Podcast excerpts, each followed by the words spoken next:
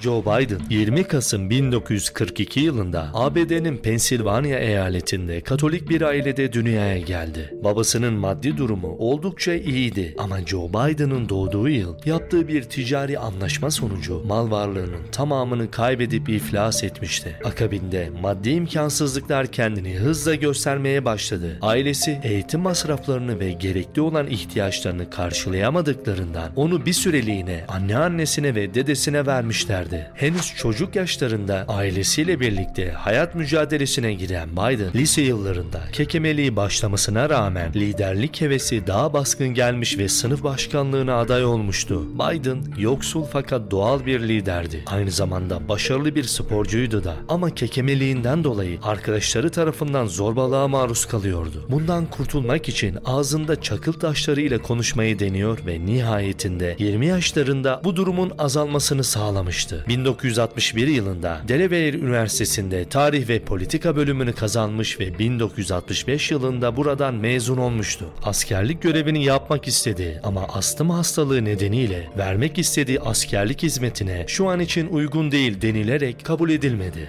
Daha sonra Syracuse Üniversitesi'nde hukuk okumaya karar verdi. Burada Neely Hunter ile tanıştı ve çok geçmeden 27 Ağustos 1966 tarihinde evlendi. 1968'de okuduğu ikinci üniversiteden mezun oldu. Dönemin en kapsamlı firmalarından biri olan Wilmington hukuk firmasında çalışma fırsatı yakaladı ve daha sonra Bo Hunter ve Naomi adlarında 3 çocukları oldu. Biden avukat olarak geçimini sağlamaya başladıysa da aslında en büyük isteği ABD senatosunda senatör olmaktı. 1970'te Newcastle Country'de meclis üyeliğine seçildi ama bununla yetinmedi. İçinde sürekli büyüyen hırsla gözünü ABD senatosuna dikmişti ve çok geçmeden 1972 yılında Amerikan tarihinin en genç 6. senatörü oldu. Evinde ailesiyle birlikte senatörlük sevincini ve 30. yaş gününü aynı anda kutlamak isteyen Biden ilk defa bu denli rahatlığa ulaşmıştı. Ama ne yazık ki bu rahatlık uzun sürmedi. Sahip olduğu en önemli şeyi ailesini kaybetti. Hediye almak için evden çıkan eşi çocuklarıyla birlikte trafik kazası geçirmişti.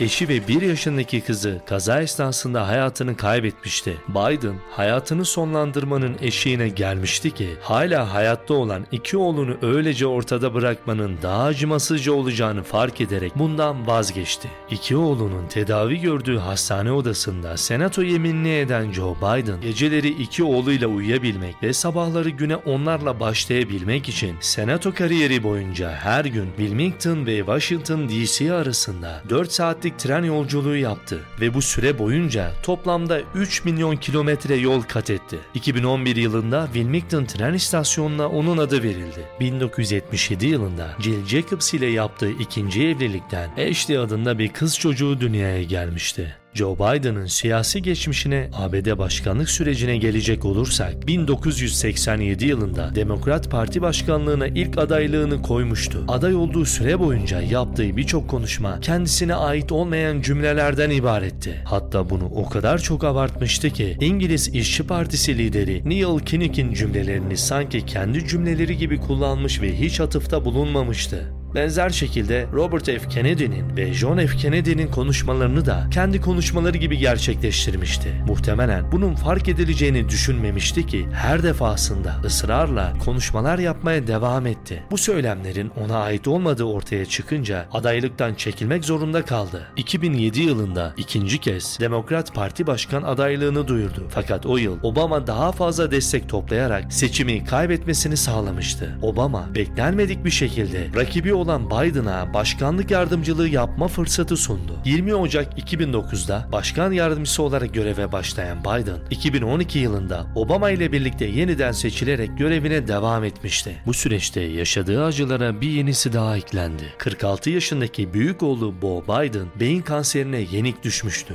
Biden kaybettiği ailesini her gün, her saatte yanında hissettiğini ve bu acıların üstesinden gelmenin en iyi yolunun bir amaç edinmek olduğunu söyledi. Obama Obama onu ABD'nin gelmiş geçmiş en iyi başkan yardımcısı olarak tanımladı ve akabinde 2017 yılında ülkenin en yüksek onur nişanı olan Özgürlük Madalyası'na layık görüldü. Hayali Amerikan tarihinin en genç başkanı olmaktı. Fakat şu an seçilmiş en yaşlı başkanı ve aynı zamanda ikinci Katolik başkanı konumunda. Siyasetteki en temel hedefi ise önceliklerinden koparıldığını düşündüğü Amerika'yı fabrika ayarlarına geri döndürmek. Ücretsiz üniversiteyi desteklediğini söyleyen Biden, aynı zamanda çalışanlar için saatlik askeri ücretin 7.25 dolardan 15 dolara yükseleceğini söylemekte. Çalışan her bireyin iş arkadaşları tarafından ne kadar kazandığını bilmesini kolaylaştıracağını da söylemekte. Birçok alanda eşitliği savunduğunu iddia eden Joe Biden, geçmişinde eşcinsel evliliklerin yasal olmasını istememiş olsa da ABD başkanlık seçimi boyunca verdiği vaatler arasında eşcinsel evliliklerin yasal olması için gerekli çalışmaları yapacağını söyledi. Hatta 2016 yılında Beyaz Saray'da çalışan iki eşcinselin nikahını kıyarak Twitter hesabından Brian ve Joe'yu evimde evlendirmiş olmaktan gurur duyuyorum diye paylaşım yaptı. 2 yıl meclis üyeliği, 36 yıllık senatörlük ve 8 yıl başkan yardımcılığı olmak üzere 46 yıllık siyasi kariyeri boyunca oldukça deneyimli bir siyasetçi olduğunu söyleyebiliriz. Türkiye'ye karşı olan tutumunu hiç çekinmeden sergileyen Biden, ülkemiz hakkında yaptığı sert açıklamalar sonrasında medyada çıkan özür haberlerini yalanlamaktan dahi çekinmedi. Türkiye aleyhinde yaptığı faaliyetlerle öne çıkmış bir siyasetçi olan Biden, Cumhurbaşkanımız Recep Tayyip Erdoğan'a bedel ödetilmesi gerektiğini dahi çekinmeden söyledi.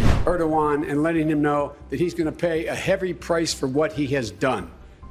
Ayrıca Donald Trump'ın Suriye konusunda Erdoğan'a boyun eğip taviz verdiğini iddia etti. Ayasofya'nın tamamen ibadete açılması konusunda Erdoğan'a geri adım atma çağrısında bulundu. Kıbrıs Barış Harekatı sonrası bize uygulanan silah ambargosunda aktif rol oynadı ve Türkiye aleyhine oy kullandı. 2001 yılında satın alacağımız helikopterleri doğrudan satışını engelledi. Uzun yıllardır gündeme getirilen sözde Ermeni soykırımı konusunda ülkemizi suçlu gösteren tüm tasarılara oy verdi. Bir grup Amerikalı senatörle Türkiye'nin soykırım yaptığını gösteren bildirinin yayınlanmasını istedi. Seçim çalışmalarında eğer seçilirsem Ermeni soykırımını tanıyan kararı destekleyeceğini söyledi. Ayrıca 2007 yılında Türkiye Ermenisi olan Hrant Dink'in öldürülmesinde ülkemizi suçlayan bir tasarının hazırlayıcısı oldu. Geçtiğimiz hafta yaptığı bir açıklamada Türkiye'nin ekonomisine yaptırımlar yaparak çökertme taraftarı olmadığını açıklamış ve Türkiye'nin gümrük birliğinde kalması için gerekli olan bütün desteği vereceğini söylemişti. Elbette bu ülkemize verdiği değerden kaynaklı bir destek değildi. Bu destek NATO'nun güçlü kalmasıyla kendisine daha fazla hizmet edilmesini sağlamak içindi. Trump yönetimini Covid-19 sürecinde başarısızlıkla suçlayarak Dünya Sağlık Örgütü'ne yaptığı girişimleri desteklemediğini ve bu girişimlerin tamamını başkan olursa kaldıracağını dile getirdi. Ayrıca Trump'ın 190'a aşkın ülkenin imzaladığı Paris İklim Anlaşması'na Amerika'yı dahil etmemesine anlam veremediğini ve başkan olduğu takdirde yapacağı ilk işin Amerika'yı tekrardan anlaşmaya dahil etmek olacağını ve temiz enerji için 2 trilyon dolar ayırmayı planladığını söyledi. Forbes dergisine göre Joe Biden bir milyoner ve net serveti 9 milyon dolar. Seçim kampanyası süresi boyunca Donald Trump'ın tam tersi vaatlerde bulunarak ABD'nin 46. başkanı oldu. Bizleri nelerin beklediğini, ülkemize yapılması beklenilen olası ambargoların olup olmayacağını, Avrupa Birliği'ne girebilme hayalimizi destekleyip desteklemeyeceğini başkanlık dönemi boyunca izleyip göreceğiz.